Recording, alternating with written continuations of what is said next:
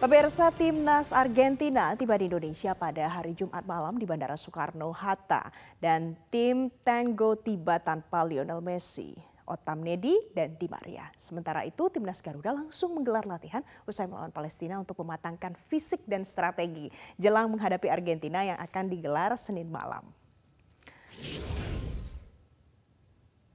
Tiba di Indonesia, timnas Argentina disambut oleh Erick Thohir, Waketum PSSI, Zainuddin Amali, serta jajaran exco PSSI seperti Arya Sinulinga dan Hasnuryadi Sulaiman. La Albi Celeste langsung menuju ke salah satu hotel yang ada di Jakarta.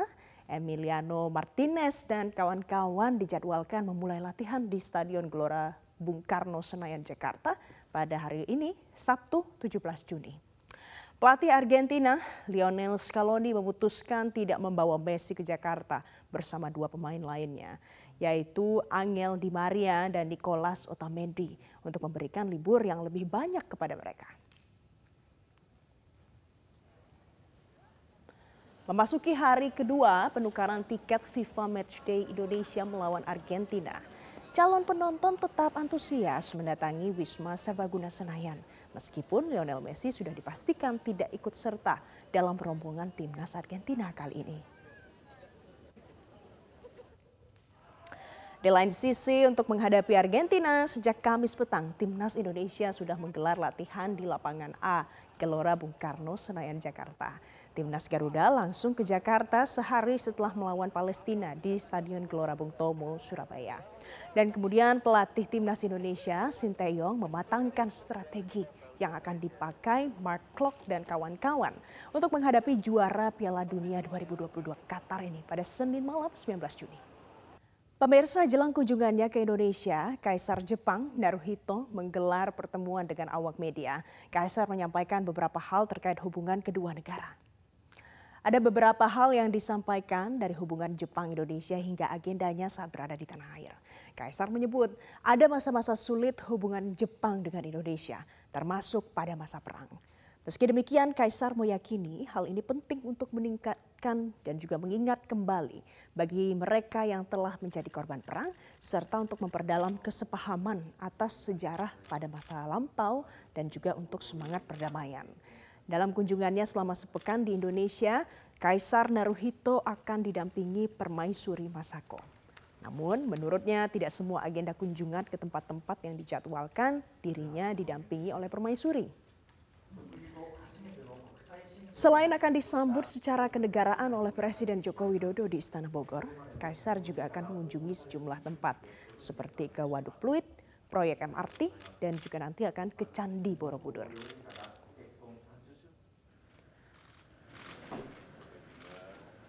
Kunjungan Kaisar Naruhito hari ini menjadi kunjungan balasannya setelah pada 27 Juli 2022 Presiden Joko Widodo dan Ibu Negara melakukan kunjungan kehormatan dan bertemu langsung dengan Kaisar Naruhito dan Permaisuri Masako di Istana Kekaisaran Jepang di, di Tokyo. Dan saat pertemuan, Presiden Joko Widodo menyatakan menantikan kunjungan Kaisar Jepang ke-126 ini beserta dengan Permaisuri Masako datang ke Indonesia. ドネシアとの関係でも難しい時期がありました亡くなられた方々のことを忘れず過去の歴史に対する理解を深め平和は愛する心を育んでいくことが大切ではないかと思います。時事通信社の中川と申します。よろしくお願いいたします。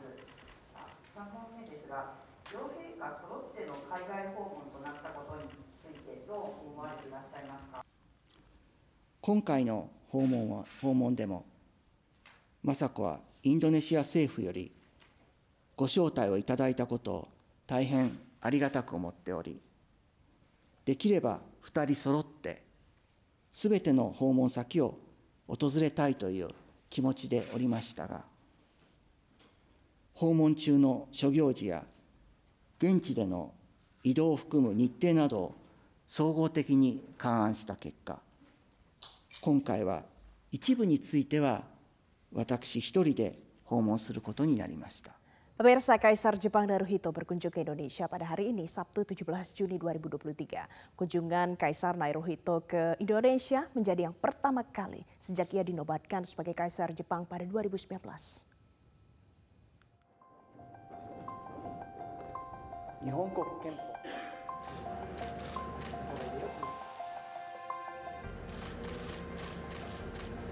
Kaisar Jepang Naruhito bersama istrinya Permaisuri Masako akan berada di Indonesia hingga 23 Juni 2023. Kedatangan Kaisar Naruhito untuk memenuhi undangan Presiden Joko Widodo saat berkunjung ke Tokyo tahun lalu. Upacara penyambutan Kaisar Naruhito akan diadakan di Istana Bogor pada 19 Juni 2023.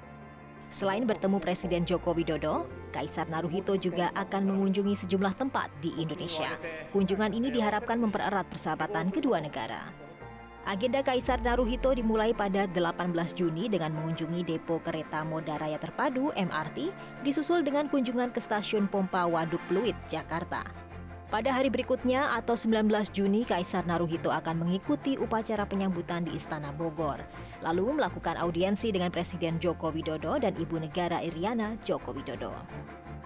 Pada 20 Juni, Kaisar Naruhito dan Permaisuri Masako akan melakukan kunjungan ke Taman Makam Pahlawan Kalibata, dilanjutkan dengan Museum Nasional. Lalu siang harinya, ia dan rombongan akan ke Universitas Dharma Persada dan sebuah SMK. Malam harinya Kaisar Naruhito akan bertemu dengan perwakilan warga Jepang di Indonesia dan JICA. Selanjutnya pada 21 Juni Kaisar Naruhito akan mengunjungi Yogyakarta untuk mengunjungi pusat teknik Sabo. Ia juga akan berkunjung ke Keraton Yogyakarta untuk bertemu Sri Sultan Hamengkubuwono ke-10. Pada 22 Juni, Kaisar Naruhito dan rombongan akan berkunjung ke Candi Borobudur sebelum bertolak ke Jakarta. Kaisar Naruhito dijadwalkan pulang ke Jepang pada Jumat 23 Juni.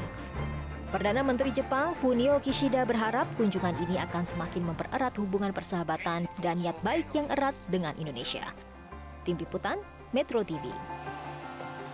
Nah, kisah inspiratif datang dari Aminullah, seorang penjual nasi bungkus di Kabupaten Jombang, Jawa Timur yang akhirnya bisa berangkat haji setelah menabung selama 30 tahun. Pria yang akrab disapa Cak Ateng dijadwalkan akan berangkat ke Tanah Suci pada 20 Juni 2023 ini.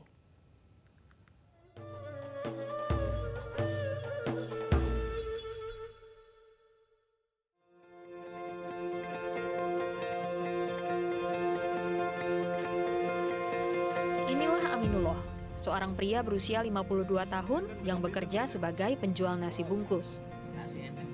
Pria yang akrab disapa Cak Ateng ini berasal dari desa Kauman, kecamatan Mojo Agung, Jombang, Jawa Timur. Setiap pagi, Cak Ateng berkeliling memikul nasi bungkus yang ia jual seharga Rp5.000 per porsinya. Selain itu, Cak Ateng juga menjual mie goreng dan berbagai minuman, mulai dari kopi, teh, hingga minuman dingin.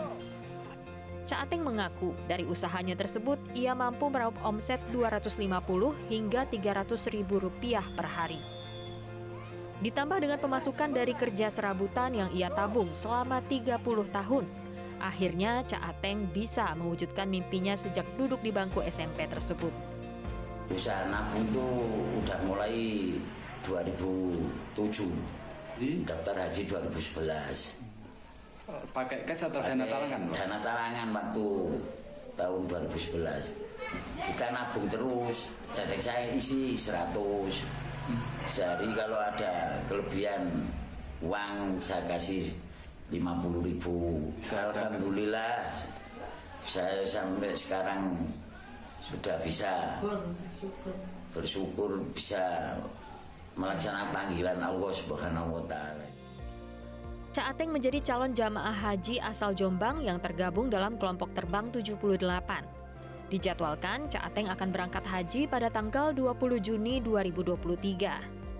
Segala kebutuhan untuk berangkat ke Tanah Suci pun sudah disiapkan. Kini, Cak Ateng tinggal menunggu keberangkatan bersama rombongan jemaah haji lainnya. Dari Jombang, Jawa Timur, Amir Zaki, Metro TV.